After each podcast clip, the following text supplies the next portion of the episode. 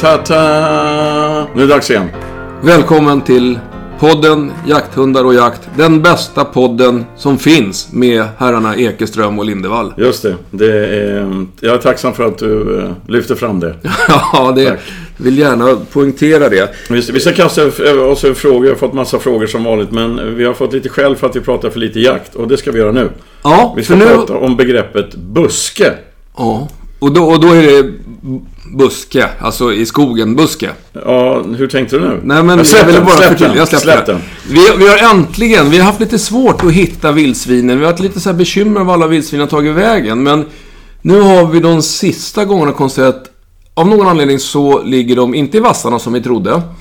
Utan de har tryckt in sig i alla tätaste, tätaste hien. Framförallt slånbärshien. Ja, alltså, ordet buske är ju relativt. Slånbärsbuske. Ja, men jag menar buske, då tänker man ju en buske som en, du vet, en buske, Mm. en, mindre grej. Men Här pratar vi 100 gånger 100 meter Ja, det räcker inte. För när du kröp omkring i, i, in i busken eh, med, och var bredvid Mixa, då var jag 86 meter ifrån dig på ett pass. In i busken också. Och då fortsatte busken bakom mig minst lika långt. Ja. Så att vi snackar gigantiska buskar. Eh, hur som helst så är det så här att Skälet tror jag till att de, att de grisarna på våra marker har legat i buskar ett tag nu, det är att det har blåst väldigt mycket. Och det har stormat och spöregnat alltså helt enkelt. Så att, eh, och bättre skydd än, än mitt inne under en rishög inuti en slånbärsbuske. Det kan man inte få. Nej. Här var de Så trygga. att, eh, vi hade vår kompis Mats med oss i, var det i förrgår eller? Eh, Ja. Eh, som sa att de ligger säkert här, sa han på sin trygga östgötska. Och eh, vi släppte där och ungefär ja, 22 sekunder efter släpp, ja, 23 tror jag det var. 23 sekunder efter släpp, eh, då brakade det loss. Ja. Det var många grisar. Det var många gissar. Och vi, hur länge var vi där inne? En dryg timme? Ja, det tror jag.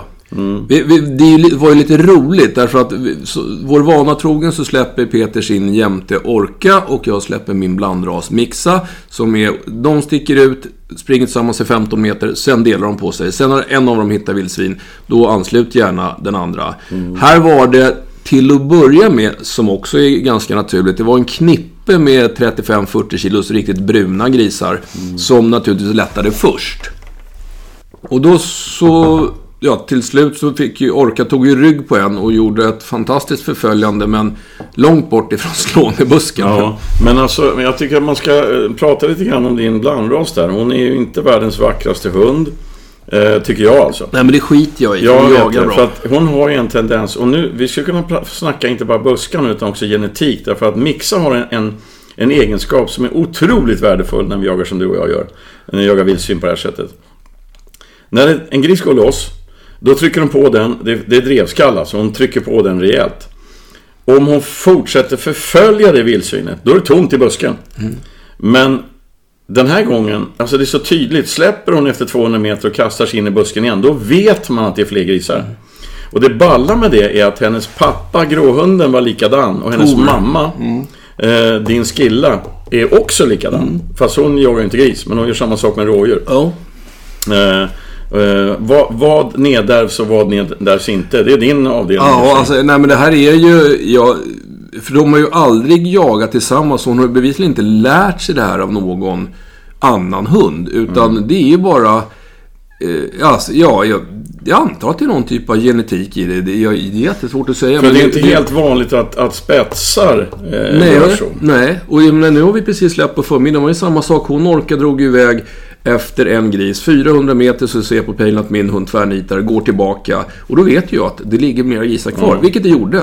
Men, men ehm, Ja, det är effektivt, det, det är alltså. otroligt effektivt. För jag menar, nu gillar jag att jaga med, med spetsar och, och eh, som hänger i länge. Så att, men just när man står här på den här slånytan som är ett par hundra kvadratmeter så blev det ju väldigt... För hade båda våra hundar tagit varsin gris och dragit Ja, då, då hade det liksom varit jag klart vill rätta dig där. Det här måste ju varit över 1000 kvadratmeter. Ja, ja, just 100 det. gånger 200, 100 meter jag, tänkte, jag hade tänkt säga 200 gånger 200 tänkte jag. säga. Okej. Ja, ja. Men, men, och, och det, jag vet inte, till slut var det väl 8-9 grisar. Ja, men alltså grejen här är ju att vad vi egentligen ska prata om är ju själva den praktiska jakten och det är synd att jag inte, nu, nu hade vi kommunicerat på radio. Eh, Till slut så var det ju två stycken stora vildsvin kvar, det visade sig att de var stora, som låg under en rishög i, en slånbärs, i den här slånbärsbusken.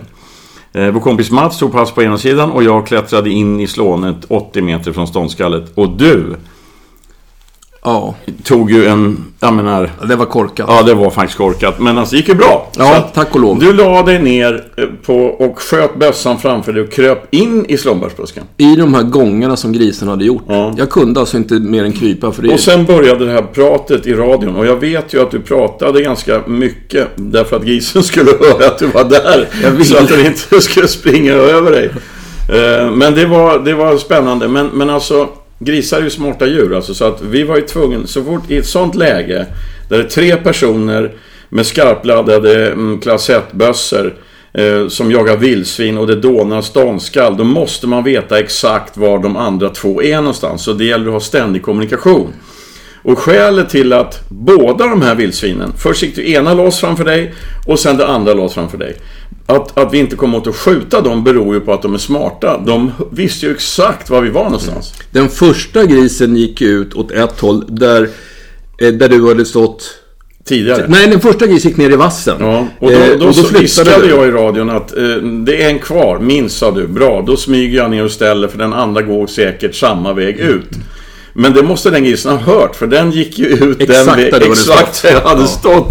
Ja, det var häftigt. Det var häftigt. Ja, Men, eh, eh, ja, så det mycket var- grisar, fantastiskt spännande jakt, ingen skjuten. Det är sammanfattningen. Ja, Men, det men, men, eh, men det var ju likadant idag. Vi jagade precis nu innan vi drog igång podda också. Eh, och vi visste ju vad som skulle hända. För den såten här på den här skärgårdsmarken är ju i princip fullkomligt omöjligt att komma in och skjuta på ståndskall. Ja. Det går ju inte alltså. Eh, För om den där slånbärsbusken var stor så var den här, var den här ännu större. Plus att det går, växer rakt in i vass och sen har du hassel och det den lill, de små ytorna med granplantering, ung granplantering, där har de ju slyra i de här förbannade skogsmänniskorna så det går inte att gå där. och massa sådana här björnbär som man snubblar Ja över. visst, men det, det är klart att vi har grisar där så. Men det var ganska bra jakt i och för sig. Ja, det var det. Men, var- men alltså, man ser ju till och med... De hade ju svårt till med hundarna att ja, röra sig ja, där inne. Ja. Eh, och så hoppar de med sjön. Jag tycker de är duktiga våra hundar alltså. Ja, de är ju fantastiska på att hitta vildsvin. Så vi river av den här podden lite snabbt så släpper vi igen helt enkelt. Jajamensan. Eh, Eh, ja, det ska vi göra. Vi ska släppa min ungvaktla också, men jag ska fråga dig en sak, men det tar vi på slutet. Eh, ska om- du fråga mig om din ungvakt? Ja, eller ja, det, är en, Oj, oj, oj. Det, är en, är fråga från en veterinär här som då, har en ungvaktel. då sätter jag mig fem meter bort där. Vi börjar med de, de andra frågorna och då börjar vi med Jonas nummer ett. Som har eh, skickat in en fråga. Han tänker under 2022 skaffa en, eh, en jakthund, en Basset Fauve de Bretagne, som ska bli en familjekamrat till Jonas och frun och de två barnen. Men naturligtvis också jaga rådjur, räv och hare. Eh, Jonas har en egen liten rörfirma och hade väl tänkt att den här hunden kan ju hänga med till jobbet. Men, men har lite fundering på hur tidigt och hur gör jag på smartast sätt för att introducera det här för hunden. Att ibland är husse ute och jobbar, du får ligga kvar i, i bilburen. Ibland kan du hänga med husse på kontoret eller vad man nu kan vara. Jag vet inte. Men eh, så, så frågan är enkelt hur vänjer den unga valpen vid att hänga med på jobbet och stundtals bli lämnad ensam? Det är en Peter Ekeström-fråga tycker jag. Ja, men det får ju bli generellt då, för det beror på hur valpen är och så. Men, men generellt så tänker jag så här. Vänta typ en vecka. Bygg band, eh, bli centrum i valpens liv, trygghet, låt valpen följa dig så inte du springer efter valpen ständigt. Du är centrum i valpens liv. Det är trygghet, fysisk, fysisk kontakt och allt det där. Alltså mycket fyskontakt gillar jag med valpar. De ska, man ska vara på dem, de ska vara på en typ. En vecka, två veckor och sen kör du igång. Sen kör du igång.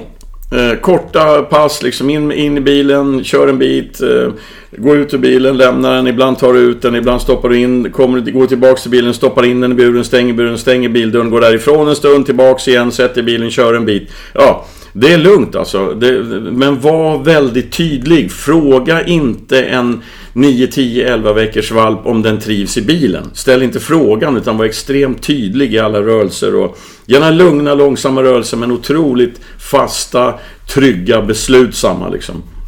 Eh, piper valpen så ska du inte kasta den mot burdörren och säga hur mår du, var inte rädd eller någonting. För det, då, då, det brukar få motsatt effekt. Utan var jävligt tydlig och trygg liksom. Trygg i rörelser, trygg i röst, mm, trygg i åtbörder på alla sätt och vis.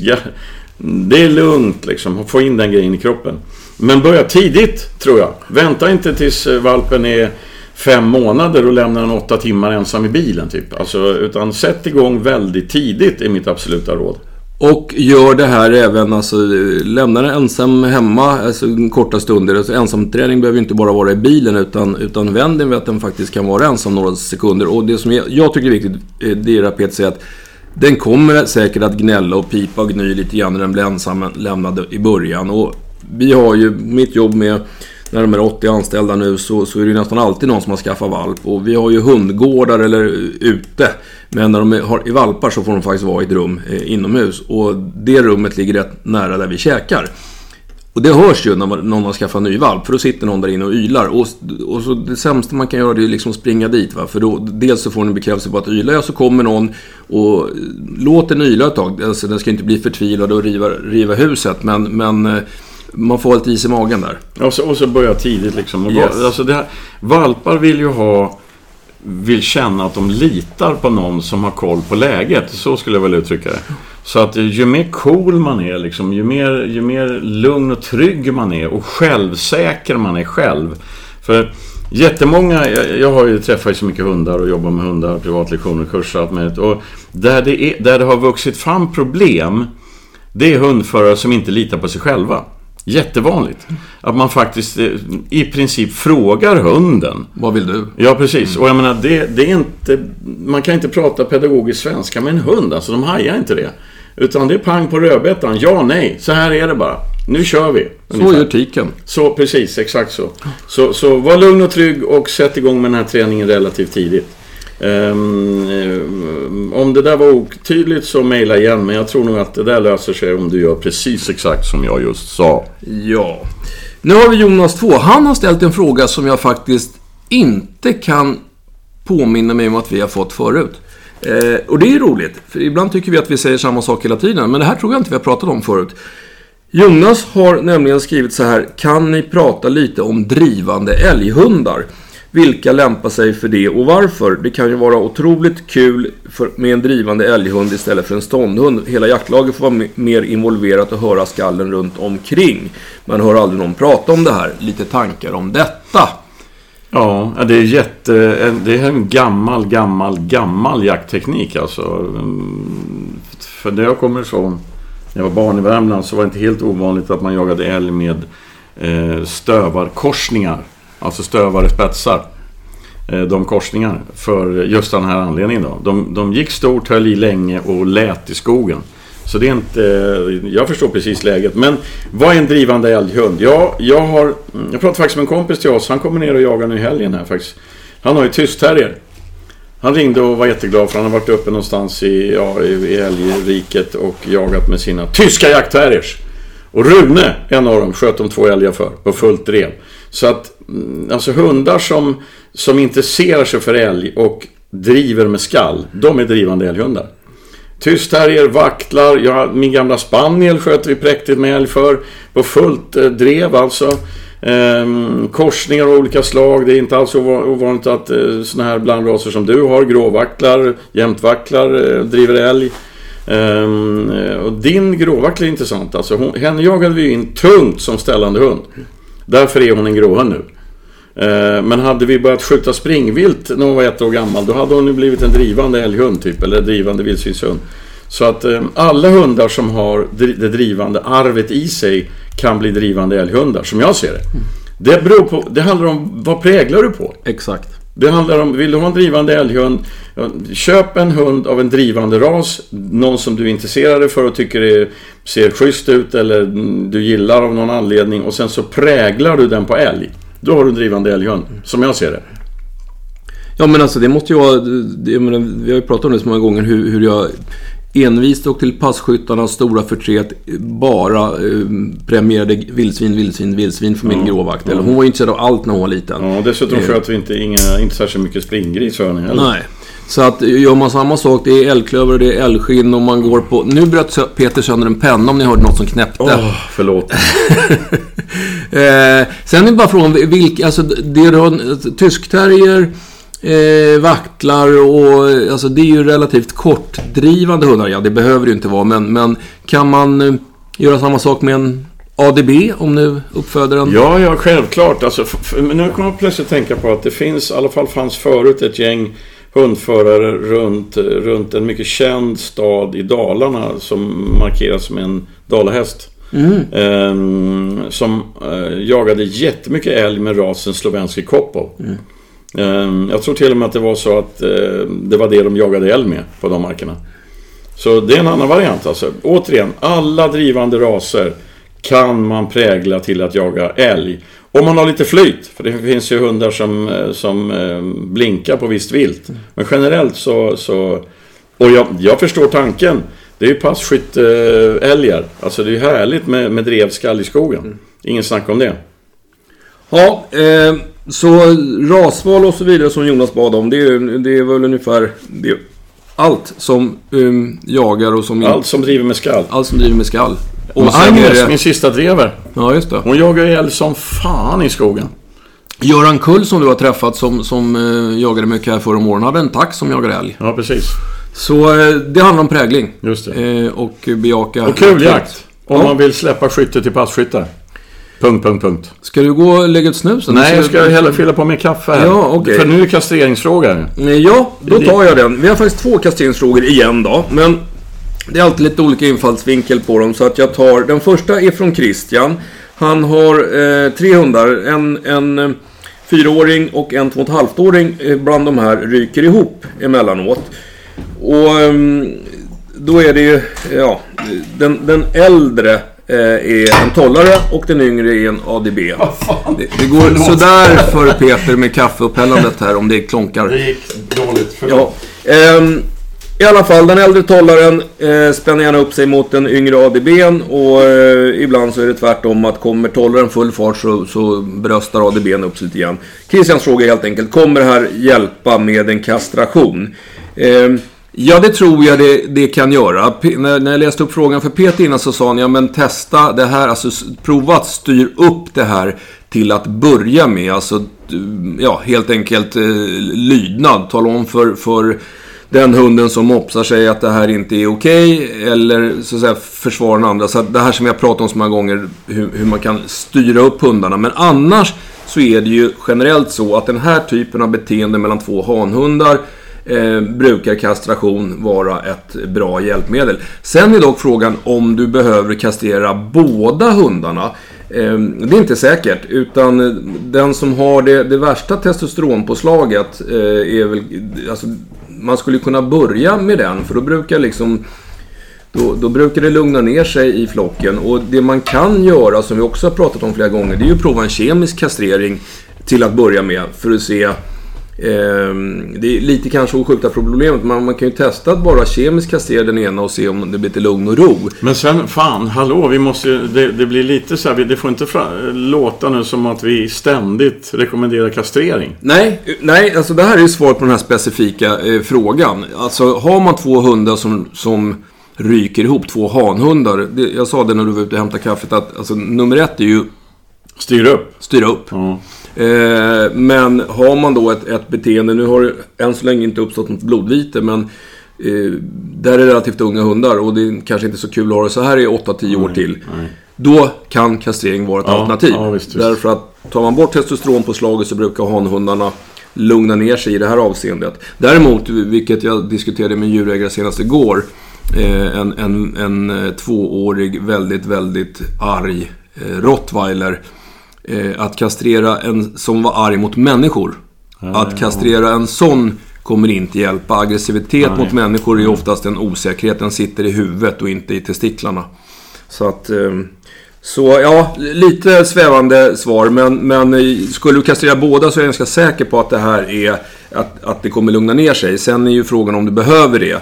Och återigen, det här med kemisk kastrering kan ju vara ett sätt att prova.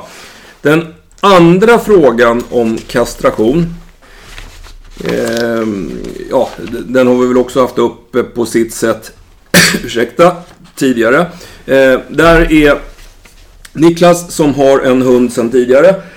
ursäkta igen. Nu har han skaffat en ADB, en hane som snart blir sex månader. Funderar på att kastrera honom. De ska inte ta någon kull. Och tänker att det kanske ska bli lite lugnare hemma då i de här hundarna sinsemellan, antar jag. Niklas konkreta frågor är Eh, tänker vi rätt eller är vi egoistiska som överväger en kastrering? jag har sagt det här förut, jag skäms inte för det. Eh, alltså, man ska inte hålla på och operera någon hund oavsett vad för typ av operation om man inte måste. Men man ska också komma ihåg att kastration av en tik eller en hanhund, man tar bort en drift som kan ge sig uttryck då i ja, mm, ilska mellan hanhundar som vi pratade om nyss. Men en drift som hunden inte egentligen har någon som helst, den får aldrig utlopp för det. Den kommer gå runt och vara sugen eller löpa och så vidare. Får den inte para sig så blir det där också en stress för hunden. Så jag tycker inte, eh, och det finns de som tycker annorlunda, jag respekterar det, men jag tycker inte att det är fel därför att det här blir en, ett stresspåslag för hunden som den inte behöver ha. Eh, och, och, då tycker inte jag att det är egoistiskt att kastrera. Jaktlusten har vi pratat om och vi har ett annat mejl här där det faktiskt eh, står just det att han har eh, en, en norsk eh, lyssnare som, som har kasserat sin hund och det är full fart i skogen som vanligt. Eh, det blir oftast lite lugnare hundar framförallt i kontakten med andra hundar. Men, eh, men jakten sitter inte i äggstockarna eller testiklarna, den sitter i huvudet. Niklas andra fråga är vilken ålder är det lämpligt att genomföra ingreppet? Jag har nog nämnt det förut. Rent eh, ska jag säga, medicin så, så finns det en normkommitté som har gjort en massa forskning och studier och internationella studier som säger att det är helt okej okay att kastrera hundar från 6 månaders ålder. Eh, det gör vi ibland, inte särskilt ofta. Jag tycker att har man inga omedelbara problem så är det inte fel att låta hunden växa färdigt först därför att alltså, det är ett snabbt ingrepp. En hanhund tar en kvart att kastrera så att det är liksom inte något stort ingrepp. Men ju mer färdigutvecklad kroppen är så desto mindre belastning blir det på Ja, alltså man använder ju narkosmedel, lugnande medel, smärtlindring och sånt där. Och, och det är klart att små njurar och liten lever får jobba hårdare med det än en, en, en, en färdigvuxen kropp. Så kan man vänta till en 8-10 månader så är det inte fel. Men, men det är små risker med att kastrera en 6 månaders också. Ja, och sen är det ju alltid det här med som Niklas också är inne på, finns det någon tidpunkt som är bättre när man pratar injagning och sånt? Eh, alltså kan man styra det så att man gör det på vårsäsongen när det kanske inte är så mycket träning i alla fall. Men, men återigen, en hanhund två veckor efter ingreppet så är den i stort sett helt läkt. Eh, så, att, så att det inte är så att man tappar en massa tid på det här. Eh, när det gäller tikar så finns det någon, någon gammal skröna om att eh, de ska löpa en gång eh, innan man kasserar för då slipper man livmorsinflammationer. Men det är tyvärr en skröna, det kan man få ändå. Jaha, jag hoppas att eh, det här var något sån svar på frågan om kastration. Jag misstänker att vi kommer återkomma i ämnet. Förmodligen. Då går vi till en eh, annan liten fråga. Eh, som har, det, det, här är Ida som har haft en gråhund som funkar jättebra. Som jag förstår så var det en ganska kort eh, gråhund. Vilket passade bra för att markerna som Ida jagar på inte är enormt stora. Eh, nu, nu, finns inte den här gråhunden längre och nu är det dags för en ny jaktkompis och då har Ida funderat på en nobs eller en svensk vit älghund. Eh, ja, och vad hon är ute efter det är en jaktkompis som inte har för stort sök, spårnoga, självständig och naturligtvis en ställande hund. Då. Och eh, Ida skriver att det är naturligtvis individberoende och hur man präglar och tränar, men vill höra lite grann kring raserna nobs och vit älghund.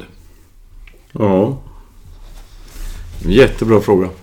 Ja, ska du svara Nej men alltså, jag, jag, tycker att Ida ska göra så här. Jag tycker att Ida ska mm, snacka med de här två rasklubbarna. Eh, det tycker jag de ska göra. Eh, och förklara vad hon letar efter och sådär. Och sen så ska, ska hon gå på vilken, vilken ras hon väljer, ska få gå på magkänsla. Jag har jagat med vit älghund ett par gånger.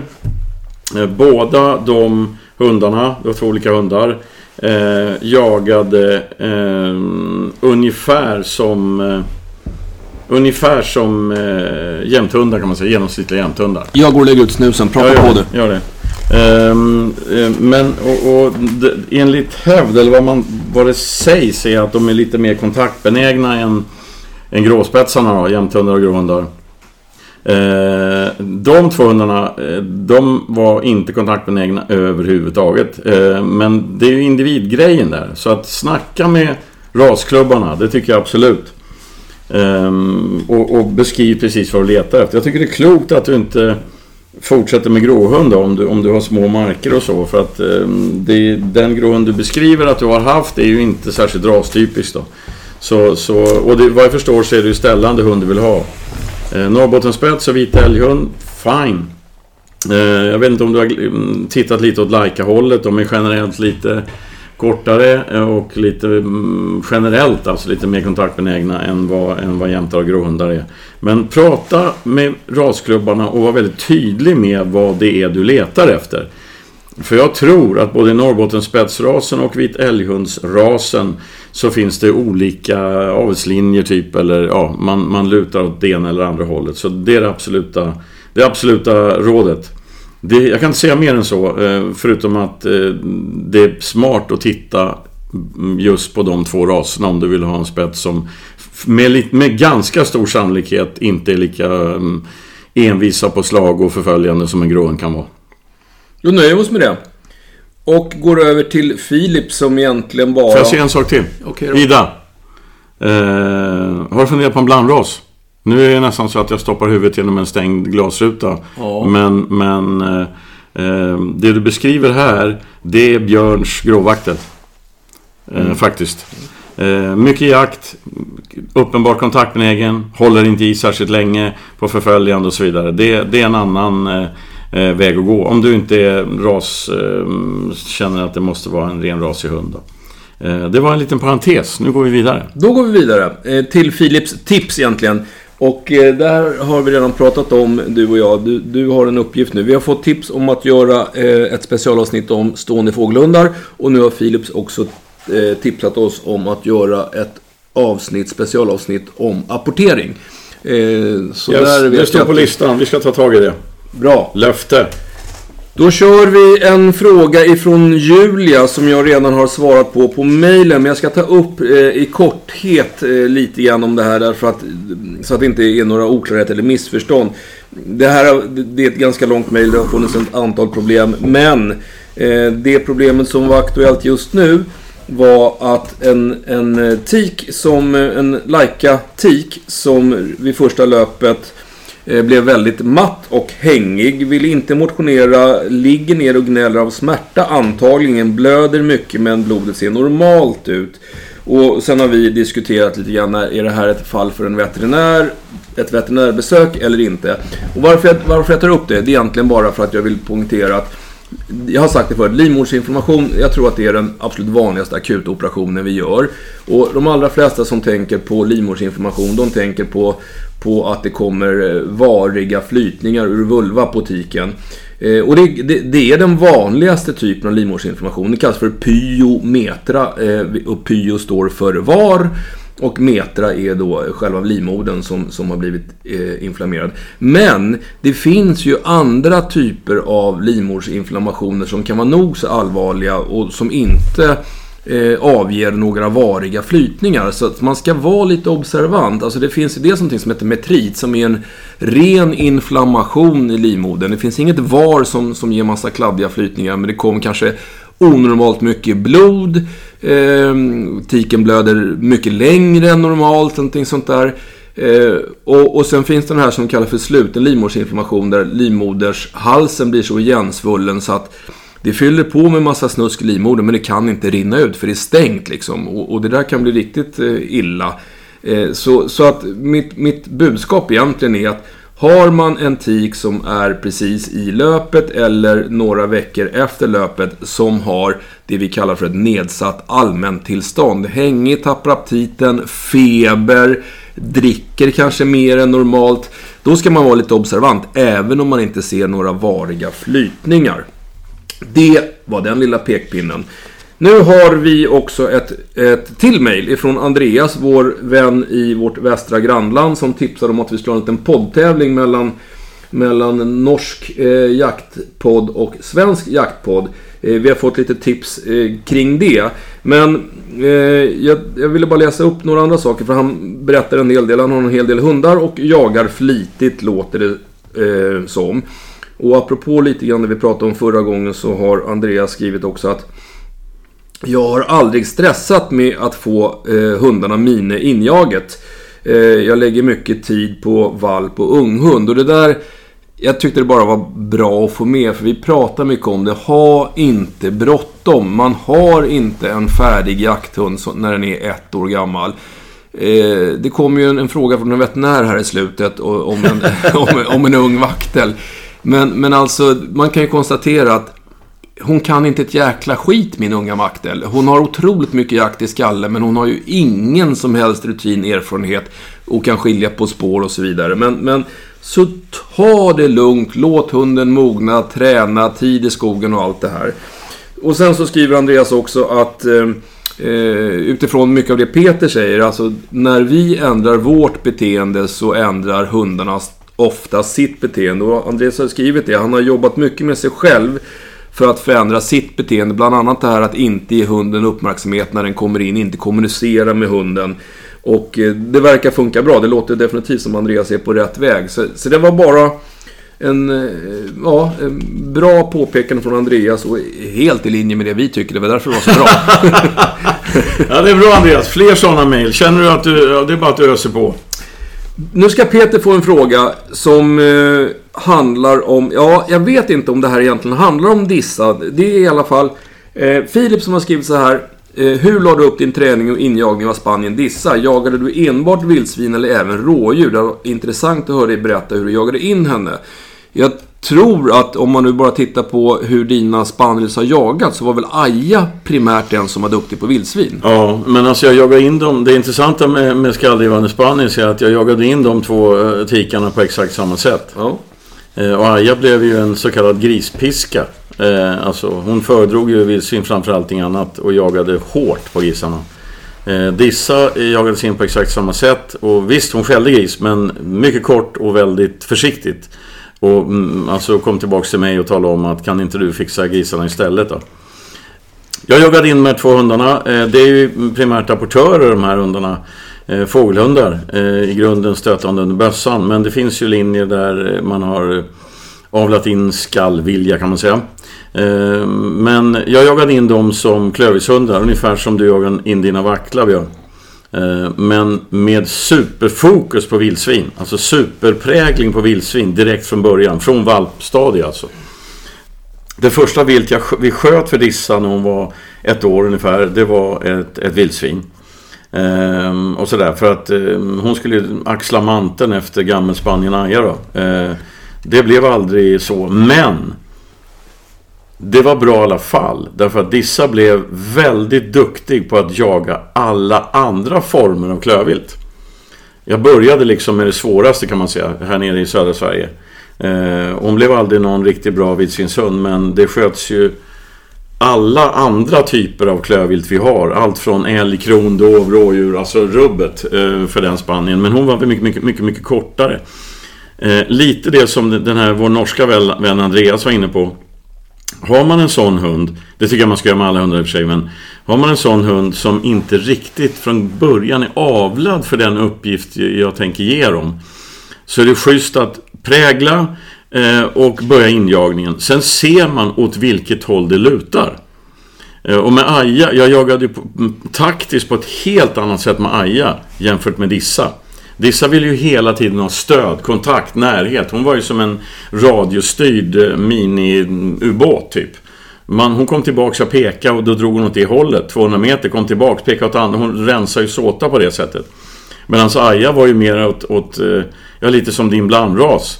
Fast betydligt längre, alltså hårdare på, på slag och sånt. Och då utnyttjade jag ju det. Släppte henne bara ungefär, ungefär som jag släpper ungjämten nu. Släpp, jag släppte henne och så satte jag henne på en stubb och väntade. Och sen hade vi ståndskan någonstans och då gick jag dit. Så att anpass, jag anpassade mitt sätt att jaga till den spaniel-individen jag hade för tillfället helt enkelt. Men, men grunden är vill du att en spaniel ska kunna stöta, driva, spränga vildsvin, börja där då. Börja med den präglingen. Och sen håller man tummarna och ser om, om mentaliteten finns där. Bra. Eh, nu har vi ett tips till. Och det är Erik som tackar för en bra podd och tycker att för att locka fler lyssnare till Patreon, eh, som är där vi lägger ut alla avsnitten, så, så, att vi ska släppa ut ett litet öppet avsnitt någon gång emellanåt på alla andra, de här Spotify och alla andra. Ja. Så nu gör vi det. Yes. Vi släpper Nu, ut det här. det här. Och Yes. så får, så det, det är väl en bra idé att se om det har någon effekt. Ehm, så, så att det här avsnittet, hej välkomna till alla nya lyssnare som inte hört oss förut, som lyssnar på iTunes eller Spotify eller någonting annat. Ehm, resten av avsnitten finns på Patreon. Just det. Eh. Patreon.com. Boka där, ladda ner appen. Men, eh, och, och grejen är att ju fler som, som eh, går in där och hjälper oss, stöttar oss på det sättet, eh, säkerställer ju att vi faktiskt kommer fortsätta. Kan man säga. Eh, nu går vi vidare. Lajka! Nu är det Laika som... ehm, Daniel har en Laika som är fem år gammal som har fått problem med tassarna. Hon jagar hårt och länge men tidigare har tassarna alltid hållit bra. Och sen har eh, Daniel skickat med lite bilder och det är det rejäla sår på trampdynorna. Nu hade hon 6 mil på trippmätaren. Eh, de är lite lustiga de här skadorna för man ser ju tydligt att det liksom kommer ny dermis, den här läderhuden, under de här sårskadorna. Eh, nu har Daniel bokat en tid hos veterinär men vill bara höra en, en second opinion. Och, Jag kan svara på den. ja, får jag höra? Vila. Ja, för att du har haft det på din Ja. ja. Det har ju du sagt till mig. Ja, nej men så är det ju. Alltså har man de här trampdyningsskadorna, det, det, det blir inte bättre att man kör hunden hela tiden. Eh, utan, för de gör det inte jätteont så kommer hunden jaga, för jaktlusten är så stor. Och då, det kommer aldrig läka helt enkelt. Men i Daniels fall då, jag tycker att det är bra att du bokar tid till en veterinär. Jag, Spontant, hon är fem år och som jag, hon, hon har ju aldrig haft problem med tassarna tidigare. Så jag vill ju gärna tro, hoppas och tro att det här är eh, lite alltså, slumpartat. Hon har varit i någon terräng, någon miljö. Peter pratade om det förra veckan att, att eh, mycket stenskrabb när han jagade i Jämtland och så hade du också sår på Orcas trampdyner. Eh, så, att, så att förhoppningsvis är det här bara en engångsgrej. Men det, det man gör när den här typen av skador kommer till jobbet är alltså lite beroende på, eh, ja, händer det varje gång eller och så vidare. Eh, men, men det man kan göra det är ju liksom ta biopsier, alltså man tar vävnadsprover ifrån den här läderhuden eller från trampdynorna för att se om det finns några sjukliga förändringar som kan kräva någon typ av medicinering eller annan kost eller någonting sånt där. Men, men ehm, förhoppningsvis så är det här bara ett olycksfall i arbetet. Hon har gått hårt och hon har gått i terräng där det här har nötts hål på eftersom hon är fem år och det aldrig har hänt förut. Så, men visst, det finns ju sjukdomar som, som kan påverka huden. Och, eh, så jag tycker det är bra att du har veterinärbesöket Men alltså, där kan jag bara lägga in eh, det här med hur smart det är att jaga ihop med en kunnig veterinär. Alltså att eh, gammelhunden Orka, hon har gått fruktansvärt hårt i sitt liv. Alltså. Hon, hon, förra säsongen var hon ju... Jag trodde att jag var tvungen nästan att stalla upp hunden för att hon, hon var så väldigt... Hon fick ont i lederna. Eh, efter en hård dag jakt så kunde hon knappt resa sig upp. Och då pratade jag med dig och då sa du tillskott. Och i det här fallet glukosaminer och lite sådana här um, omegasyror. Och det har hon fått nu i ett drygt år. Och du ser ju själv hur hon jagar. Alltså hon, hon är mycket bättre i lederna. Upp, alltså påtagligt bättre. Alltså uppe i Jämtland nu, hon gick ju tre och en halv mil en dag. Nästa morgon ville hon jaga igen. Hon reste sig liksom från golvet och ville bara jaga. Så att eh, det där med kosten är ju... Jätteviktig. Jag har ju faktiskt haft lite problem, eller otur förhoppningsvis, med, med ungvakten. Att hon har dragit sönder klor vid tre tillfällen. Jag har börjat att ge henne såna här fettsyror också nu, ifall det är så att hon har lite dålig klo- Ja, det är värt att testa, men det, det är ju min, min sämsta gren, tålamod. Men då har jag lärt mig det. Det är, det alltså bara att ge lite aminosyror och omega-3 mm, fettsyror, 6, 8 och 3, vad fan de heter, i två veckor räcker ju inte. Utan det är kontinuitet som gäller. Det är kontinuitet. Och sen är det ju här som, och det hänger ihop med tålamodet. Ehm, har man de här typerna av skadorna, alltså det, det säger sig ju självt. Om jag har sprungit eller fått skavsår av mina nya kängor eh, så att det är stora köttiga sår på hälen. Jag drar ju inte på mig de här kängorna och går fem mil till. Nej, du brukar slänga dem och köpa nya. det måste ju få läka först. Eh, Men då är vi tillbaka till tålamod. Nu kommer en vaktelfråga ifrån Oskar. Eh, Oskar har gått och funderat när han, det står unghund. Jag kommer inte ihåg hur gammal den är, men den är en bit över året om jag inte missminner mig. Ehm, den här vakten, en hane, är väldigt kort i dreven och väldigt omogen. Och då har Oskar funderat på, kan omognaden vara anledningen till att han inte pallar mer än 300 meters drev? Peter brukar ju säga att Framförallt när det gäller ståndhundar, när de har stått med, med vildsvin ett tag så eh, tar de en liksom lov. De släpper grisarna en stund, tar ett varv och, och, bara laddar de mentala batterierna. Sen går de tillbaka in på ståndet och fortsätter skälla. Och då funderar jag, Oskar, kan det här vara samma sak? Att han helt enkelt behöver ladda batterierna? Jag tror inte det. Nej, det tror jag inte. Det tror jag inte. För utma alltså, vad, när han driver så dri han driver ju på slag. Alltså, det är ju ingen mental utmaning direkt. Eh, som går att jämföra med att stå och fronta ett förbannat eller potentiellt farligt vilt. Eh, så det tror jag inte alls. Däremot kan det vara omognad, fine. Det är mycket möjligt att det är det. Men, men jag tror nog att, vad heter killen? Eh, Oskar. Jag, jag, tror att Oskar ska lyssna lite på vår norske vän Andreas alltså. Hur gör du själv? Hur gör du själv? Eh, är du själv väldigt kontaktbenägen? det står på... att han faktiskt, eh, han, har, han har lagt till här att han inte konverserar med hunden under jakten. Okej, okay, men då är det inte det då. Då, då. då är det bara att hoppas att det är um, någonting som kommer lossna. Och det här är ju en ung hund så visst kan det lossna. Men rådet här då. Det blir jaga som en idiot. Mm. Alltså. Det är fullt ös med mål att fälla vilt. Skjut vilt för den här vakten. Och släpper han dreven, ja men damma på bara. Se till att han tar an dreven igen. Du vet, gör Fortsätt i löpan. Fortsätt i löpan. Se till att det blir tryck i skogen. Ni har kul tillsammans och framförallt skjut djur alltså. Det, det, jag tror att han är ett och ett halvt den här eller någonting. Ja, jag får och då är det dags att dra ner vilt framför honom. Eh, med, med, det är prio ett alltså så att han Förhoppningsvis så ramlar polletten ner att han tänker okej, okay, okej, okay, det är det här det handlar om. Mm.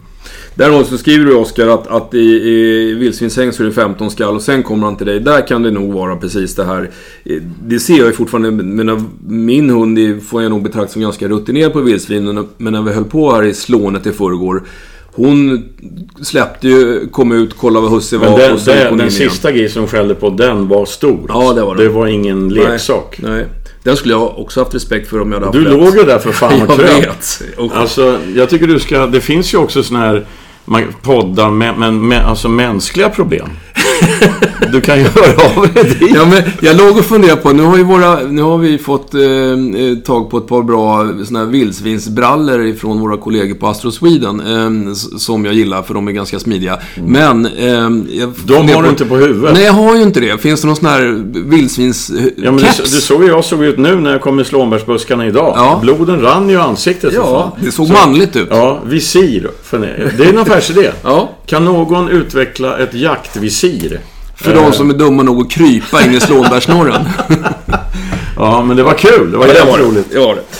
Eh, Okej, okay. vi kommer en fråga med rubriken skotträdsla? Frågetecken. Och det är eh, Emil som har en blandras, spets, eh, ingår. Som har förföljt, den är två och ett halvt år, den har förföljt älg och gör det bra fram tills det smäller. Då vänder han i samma veva som skottet går och kommer tillbaks till husse och kollar ungefär som att vad var det som hände. Sen är han lite ängslig en stund, men det går över när man kommer fram till älgen.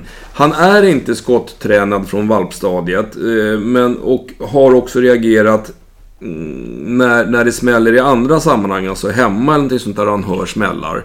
Så, så nu funderar Emil, hur ska jag tänka? Ska jag släppa eller ska jag gå med honom i band och så vidare? Nej, nej, inget sånt. Men däremot så ska du backa bandet och, och köra... Låtsas att det är en väldigt ung hund och så ska du skotträna den. Det skulle jag göra. För att eh, det där, det finns ju en risk där att han hör en smäll, blir berörd, vänder, går tillbaka till husse och då kanske husse kommunicerar med honom. Eh, vilket är fel i det här läget då. Eh, utan eh, om det skjuts älg nu eh, jag vet inte var han jagar någonstans men, men eh, på, på fredag så brakar ju älgjakten igång i södra delen av Sverige. Ja, alltså stora älgjakten drar igång. Eh, och det kanske ramlar en älg. Om han då, den här hund, blandrasen, släpper och kommer till husse. Titta inte på hunden utan sätt fart själv till där skottet smällde. Utan kommunicera. Så att inte hunden får svar på frågan. Om hunden kommer fram till husse och, och, och med frågan Det small, är det farligt? Om husse då tittar på hunden och kommunicerar med hunden och klappar om hunden. Ja, då, det kan få motsatt effekt då. Eh, så, men min, mitt råd här, absolut, är han skottberörd den här två och åringen Han är vuxen den här hunden nu. Backa bandet, låtsas att det är en ung hund, börja med skotträning. Och det finns många instruktioner om det där, det är bara att googla. Mm, googla på gamla avsnitt på jakthundar och jakt. Till exempel. Det har vi pratat om många gånger. Precis. Jaha, Sju månaders jämthund Laika. 75% jämte, 25% Laika. Eh, Det är Sandra som har skrivit och hon... eh, eh, Ja, det här är lite intressant för att hon delar den här hunden. Hon är en sambo, delar den här hunden med svärmor. Och där svärmor 25 jagar... svärmor alltså. Ja, Och 70, eller ja, 33 då. 33 ja, svärmor. Ehm, Ehm, men ehm, i svärmors jaktlag, som är lite mindre marker och dessutom i vargrevir, så, så bandar man. Alltså man, man eh, går med spetsarna i band och eh, letar älg på det sättet. Medan sambons eh, jaktmarker, eh, där släpper man sina jämthundar och eh, jobbar med, med dem som ställande hundar helt enkelt. Och eh, Sandra är lite förvirrad eh, för att eh, hon tycker att den här, dessutom är det en stor stark eh, jämthundskorsning det här så att eh, det är lite jobbigt att gå med honom i band när han får tag i vittring. Så att hon, hon har full förståelse för att man gärna vill släppa. Men frågan är egentligen det här med bandjakt. Eh, alltså kan man köra både och med, med Kalle som han heter? Kan han banda med svärmor och löshundsjaga med sambon? Vad, vad de menar här, eh, alltså om, om de menar banda så, men, så betyder ju det som jag ser, bara så att jag fattar frågan här. Att man går med hunden i band med passkyttar runt en såt. Så antar jag att det är. Eh, För att annars snackar vi ledhund. Ja, Och, och alltså att, att ha en, man, kan, man kan nog inte ha en hund som är både löshund och ledhund. Ledhunden ska ju långsamt och fint leda fram hundföraren till ett skottläge. Så det här är ju det här är en bandhund, det vill säga att han ska trycka fram älg helt enkelt. Och då är det inga problem alls att banda på en mark och ha någon löshund på en annan mark. Utan mitt råd går till svärmor som har 33% av den här korsningen. Fysträning. Svärmor måste fysträna helt enkelt. ja och sambon här också, för de Ja, tycker också det är jobbigt. Ja. Ja, nej men alltså för att det är klart som fan att om, om du har, om du, med den här jakttokiga jämtkorsningen, om man, om han jagas in som löshund så är det klart att det kommer bli tryck i snöret alltså. Eh, när man bandar med honom. Men, men eh, då snackar vi lydnad. Då är det en annan typ av träning. Det har ingenting med jakt att göra. Utan lär honom att när svärmor går då får man fan ta det lugnt liksom. Det går att lära en hund sånt. Det är inga problem. Det är kommandon och, och korrigering och belöning i rätt läge och sånt där. Så det tycker jag man ska göra. Men det, det är ingenting som säger att han blir sämre som löshund för att, man, för att svärmor bandar med honom. Det tror jag inte. Ehm, det kanske till och med är tvärtom. Han kanske blir jätteduktig på slag till exempel. Eh, Det blir som sportträning kan man säga. Nästa fråga eh, ifrån Sandra är... Eh, ja, nu är han ju sju månader och nu börjar ju älgjakten 11 10 skriver hon, men den börjar nog 8 10 numera. Det spelar inte så stor roll. Ska man... Alltså, Det spelar väl en jävla roll? Det är Ja, tre för dagar. jagar. ja. men, men ska man vänta eller kan man ta med honom på jakten redan nu? Och då är ju frågan vad du menar att ta med honom på jakten. Jag tycker definitivt att man ska ta med honom på jakten. Eh, få nosa sig fram till någon skjuten älg, få, få eh, ragga i någon skjuten älg. Eh, men jag tycker inte att man ska släppa. Men, Vänja sig vid lägereld och korvgrillning och vänta i bilen och, och, och träffa folk och andra hundar och få en älgklöv att tugga på. Absolut, men inte släppa honom på... För det här är ju såtjakt vi snackar. Eh, Det tycker jag inte man ska göra med en sju månaders. Däremot så tycker jag att den delen av de här procenten som ska använda den här blandrasen som löshund ska prata med jaktlagen på de här två markerna och lite vänligt be. Måste vi skjuta alla älgar första veckan? Ska inte jag kunna få en kalv att laja med eh, i januari sen? Just det. Eh, när hunden blir lite äldre. Så skulle jag tänka. Ja, det var våra tankar. Eh, Martin eh, har en, en tanke eller en fundering. Det här med powerbars, alltså energi, högenergigodisar eller foder för hundar. Är det någon mening med att sticka till hunden en sån mitt i jakten eller är det bättre att ge efteråt? Alltså, frågar du mig så... Jag menar Det han mitt i Han frågar såten. Ja, det gör han ju. Eller ja, det har du rätt i. Eh, nej, jag tycker inte att det är någon mening med att sticka till honom under jakten, alltså mitt i en såt eller sån där. Det, alltså, nu vet inte jag vad det här är för hund och det är klart att det är en hund som har stått i fyra månader och bankat på någon älg eller någonting. Eller fyra, fyra timmar och bankat på en älg. Eh, om man nu får komma fram och ge hunden en bar så är väl inte det fel. Men alltså normalt sett, en, en såt med en hund eh, någon timme eller två, det finns ingen anledning att trycka i den eh, någon energi då. Eh, så Däremot direkt efteråt. direkt efteråt. Nu har ju vi kört, det har varit väl ett par timmar med våra spetsar, spetskorsningar här ute och de jagat vildsvin. Det blev en dryg mil på, nej en knapp mil blev det nog på min och något liknande Ja, men det din. blev en kvart, inte så långt sträcka, men det blev jävligt hård jakt i buskarna. Ja, ja. Eh, då får de lite energi när de kommer tillbaka. Ja, för mina får fick ju direkt alltså riktig du- dunderenergi. Inte mycket, men lite. Eftersom vi direkt efter den här poddinspelningen ska släppa igen. Yes. Så, eh, så då hinner de där smälta i magen och gå ut i tarmen och tas upp som lite energi. Det är ju mycket socker i de där så det är snabb energi. Eh, Så tycker jag. Därför att eh, mitt i jakten så finns det ingen anledning. Sen bara en sån här brasklapp. Eh, Har man då, nu vet jag inte vad det är för hund heller, men, men alltså det ska ju vara små volymer. Alltså hög energi i små volymer. Har man en jämthund eller någon av de här högbröstade hundarna. Vi har pratat om magomvridning förut. Man ska inte ösa i de stora måltider för då finns ju alltid risken för Men du, jag måste fråga en grej. Alltså, vad fan, energibars? Vad fan? Ja, det finns sådana för hundar. Alltså typ, du vet, vi kan ju gå och köpa såna här energibars. Ja, men det vet jag. Ja. Fulla med socker och man blir Ja, tjock ja. som en tunna Ja, och får det dålig anhämtning och sånt. Gör det? Ja, och så finns det ju massa såna här krämer och grejer man kan... Och det är ju samma sak som för oss. Det Men jag ger ju mina, jag ger, ger ju mina dundermat, alltså med massor med fett i. Ja, det är alltså så- kött same, med en jävla massa fett. Ja, jag brukar, det finns ju, men det är för att jag kommer åt det till bra pris på jobbet. Det finns ju sån här working Har du rabatt eller... menar du på djursjukhuset? Jag har det. Det är sjukt. Ja. Orättvist. Så jag brukar ha en, en, en, inför jaktsäsong så köper jag alltid någon sån här högenergifoder som man kan trycka i dem. Men det är återigen små mängder. De är oftast inte jätteintresserade mitt i jakten av att äta heller. De har annat att tänka på. Ja men alltså när, när man kopplar och de ska in i kåpan, då vill de fan ha mat Ja. alltså.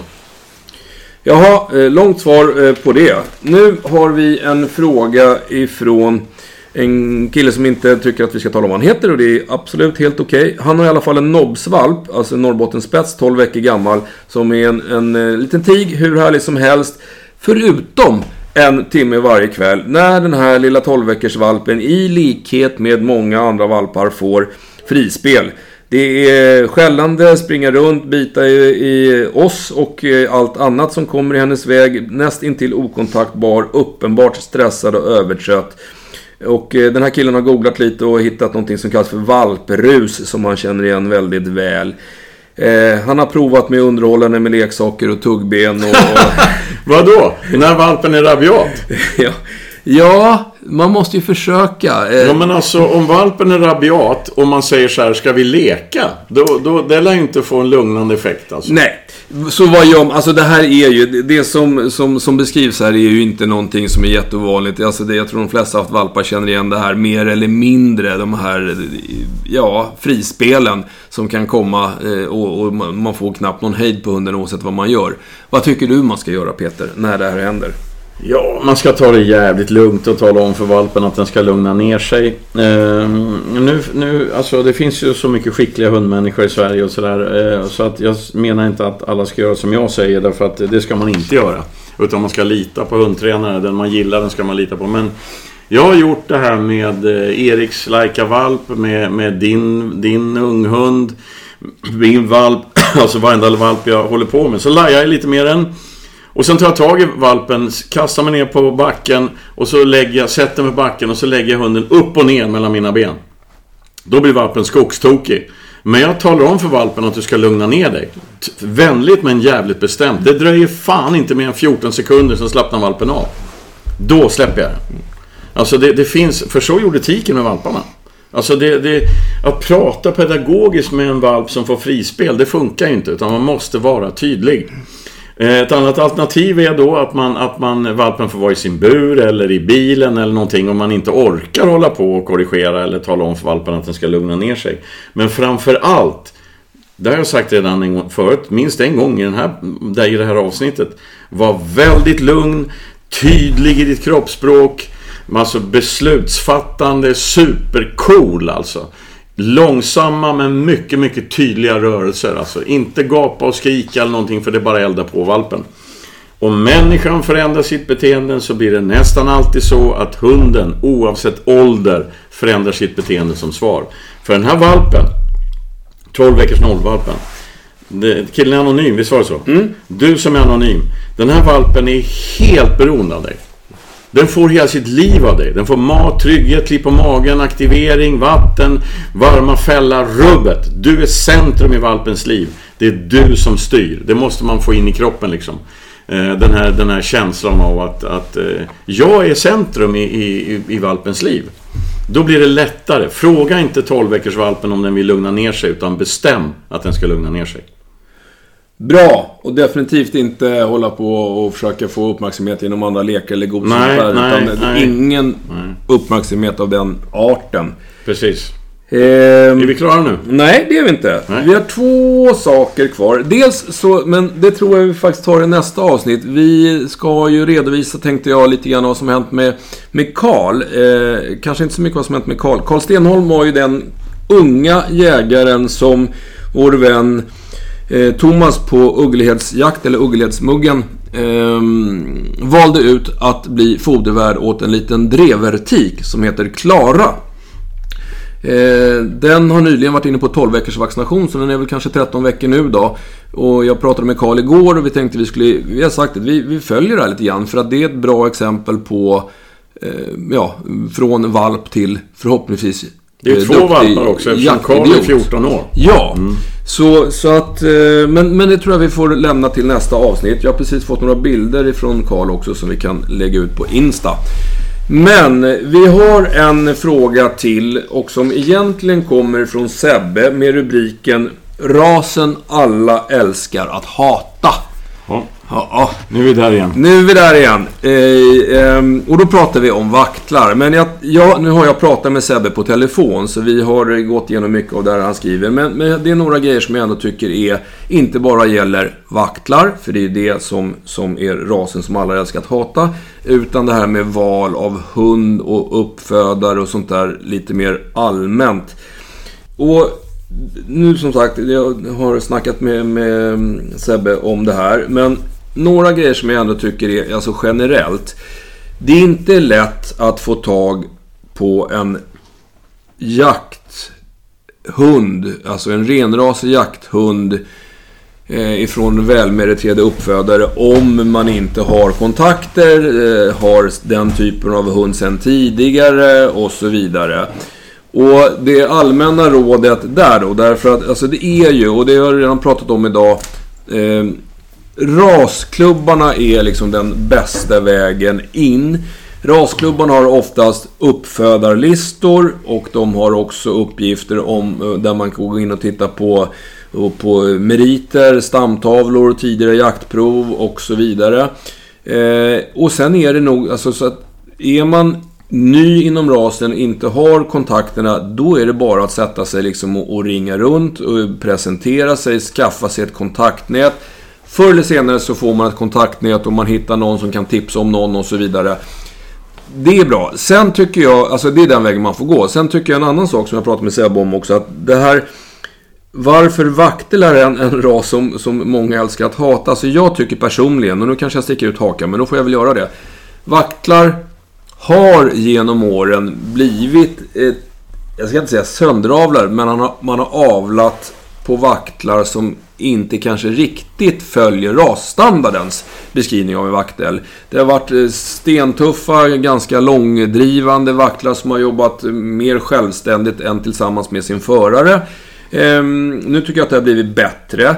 Eh, en annan ras som jag också tycker har genomgått en förändring, det som, som jag också pratat om, det är tysk jaktterrier som har blivit mer eh, sociala, alltså bättre som familjehundar, inte riktigt lika mycket på tå i alla lägen. Vissa tycker att det är en nackdel, jag tycker inte det. Jag slipper bli biten på jobbet i alla fall. Eh, men rasklubbarna, det är den väg man ska gå. Och sen ska man ha väldigt klar för sig vilken typ av hund vill jag ha. Därför att det här innebär, det jag nyss sa, det finns ju fortfarande en spridning inom många raser på hur, hur hunden jobbar. Peter har sagt det också. Prata med rasklubbarna, när ni börjar prata med uppfödarna. Vilken typ av vaktel, vilken typ av eh, nobs vill du ha? Vad är du ute efter för egenskaper? För att uppfödarna har oftast en väldigt klar bild av vilken typ av individer är de ute efter att föda upp. Alltså vilken typ av avel bedriver de? Och de har ju järnkoll på det där. Så, så att... Eh, det, det var bara lite sådana allmänna tips då när man är ute och ska skaffa sin första jakthund och kanske inte har en massa bra kontakter. Jag, jag blir lite sådär ibland Eh, all respekt, alltså det, det, står på Facebook. Jag är ute efter en vakt eller är det någon som kan eh, tipsa? Eh, och så dyker upp några svar att ja, men jag har en kompis som har fött upp. Alltså, jag tror man ska vara lite noggrannare än så när man väljer. Eh, förutsättningarna för att man ska få någonting bra ökar om man gör lite jobb innan. Och ja, ja, visst är det så. Lite visst är så. Sen är det ju ballt att chansa. Det förstår jag att folk vill göra, men, men alltså... Ehm, det är lite grann beroende på hur man själv jagar helt enkelt. Vad, vad, hur, hur, jagar du? Hur ser markerna ut? Vad är tanken? Hur kommer du jaga framöver? Typ. Så att det, men som du, jag håller helt med dig. Prata med uppfödare. Men då kommer jag in på den här frågan. Det är någon veterinär i Östergötland som tydligen har en ung vaktel. Eh, som kommer ifrån eh, bra eh, linjer, meriterade, meriterade släktingar i stamtavlan, har presterat bra på jaktprov och så vidare. Eh, och vad är problemet? Alltså problemet med, med den här hunden, alltså det är egentligen inga problem, men, men till exempel då så, jakten finns ju, men, men det här är ju det är så roligt nu, för du och jag har pratat om det här så många gånger, om det här med den här omogna unga hunden som jagar med genetiken och den valpiga ivern. Mm. Eh, full fart i 190 knyck oavsett om det är fem minuter gammalt slag eller om det är fem timmar gammalt slag. Här luktar det något, jag springer. Ehm, eh, det som jag störde mig på idag då, eh, var ju att hon, hon hade två bra drev på och var väl iväg någon kilometer. Hon skäller i bakslag. Mm. Varför gör hon det? Därför att hon är lös. Hon är jättelös i skallet och hon bakslag, det, luk det luktar ju bakslaget. Mm. Ehm, det är, hon är väldigt lös, är hon, i skallet. Ehm, och det, det är ju bra på ett sätt. Det, det kan du utnyttja när du, om, du, om hon fortsätter vara lös i skallet. Så, så måste du till skillnad och lära dig det och läsa vad hon säger i skogen och inte tro att hon kommer vara som din gamla vaktel. Eh, därför de är, de, de är, det är individer så. Men det är, inte, det är inte helt kul att hon, att hon driver i bakslag. Alltså, det är inte särskilt roligt. Det är skitstörigt. Ja, det är inte bra. Mm. men, och det, det, är bara att hoppas att det är den här iven. För att det jag ser hos din unga, eller den här veterinärens unga vaktel. det är någonting som jag vill se i alla hundar. Det är ett fruktansvärt tryck i hunden. Hon har enormt mycket jakt i sig. Men, men rådet till den här veterinären är det som jag brukar ge. Släpp henne i skogen och låt henne lära sig fatt, förstå vad fan hon håller på med. Det går inte, den där vakten tror jag, den vakten tror jag inte man kan man kan liksom prata förstånd med. Mm. Utan hon måste lära sig själv. Hon går, måste gå på egna nitar. För man ser väldigt tydligt på henne att får hon någon form av vittring i näsan, då börjar hon jaga. Och det kan vara 24 timmar gammalt eller två minuter gammalt. Om du jämför med din gamla vaktel, som jag har skjutit väldigt mycket djur för. Hon är skitduktig alltså. Börjar hon skälla, då är det färskt. Då kommer djur framför henne, det är mm. inget snack om mm. saken. Men unga vakten, jag är inte helt säker på att hon driver lika hårt, eh, alltså även om det är tio minuter sedan viltet har passerat där, tror jag. Mm. Eh, och det där måste hon lära sig själv, att liksom värdera vittring och sådär. Det finns nog ingen träning som kan göra tror jag. Nej men det här är ju det här är ett typexempel. Och, och eh, nu, nu, om det bara är att man försöker hitta alla, alla små positiva tecken. Men jag tycker nu, nu har jag släppt den några gånger. Eller veterinären har släppt den några gånger. och eh, eh, det verkar som att det är inte riktigt lika, lika löst i skallet nu. Och, men det här är ju det vi har pratat om så många gånger tid i skogen. Hur många gånger har vi sagt det i den här podden? Ja, I alla mm. möjliga sammanhang. Ja, jag kan inte lära henne att inte skälla i bakslag. Jag kan inte lära henne vad som är ny och gammal vittring. Alltså, jag kan ge henne tid i skogen. Hon måste skaffa sig egna erfarenheter och kunskaper. Men alltså, hur gammal är hon nu? Eh, 17 månader. Ja. Men alltså, det, det, poletten kommer trilla ner vilken dag som helst. Men, men sen kommer vi göra så fram i november typ. Eh, eftersom vi jagar så mycket du och jag. Då kommer vi lägga typ tre dagar och jaga skiten ur den där tiken. För då kommer hon att landa. Jaga skiten ur den i tre dagar och sen stallar du upp henne i tre, fyra, fem dagar. Så att hon får smälta det hon är med om. Men hon är väldigt... 17 månader men hon är fan som en valp i huvudet. Ja, ja, ja. Det har inte trillat ner riktigt. Eh, så det ska bli skitkul att följa. Det, och sen måste jag säga en annan sak om vaktelhundar. Det är att jag har jagat jättemycket med vaktlar. Under en period för länge, länge sedan så jagade jag i princip enbart med vaktlar. Eh, får man ordning på en vaktel eller har, liksom, om, det, det, är ju, det är ju liksom den ultimata hunden i, när det gäller såtjakt som jag ser det. Eh, men det är som du säger, spridningen är stor. Väldigt stor. Så är det vaktelhund ni är ute efter, skitbra val men leta väldigt noga. Notera nu det där att någonstans i avsnitt, vad det nu är, 108, någonting sånt där, vid ungefär 1.04 så säger Peter Ekeström att vaktel är den ultimata hunden. Notera det bara så att Ja. ni kan spola tillbaka och lyssna. Vissa individer alltså. Och den här veterinären som har hört av sig om en unghund, det, det är jävligt tveksamt. Yrväder i skogen och driver i bakslag. Det här det kan gå riktigt illa. Hörrni, vi tackar för oss. Nu ska vi ut och släppa. Ja, det är dags igen. Ja. De har fått, eh, det är en och en halv timme sedan de fick extra mycket näring. Nu är de laddade. Mm, nu kör vi. Hej då, om någon. Frågar oss.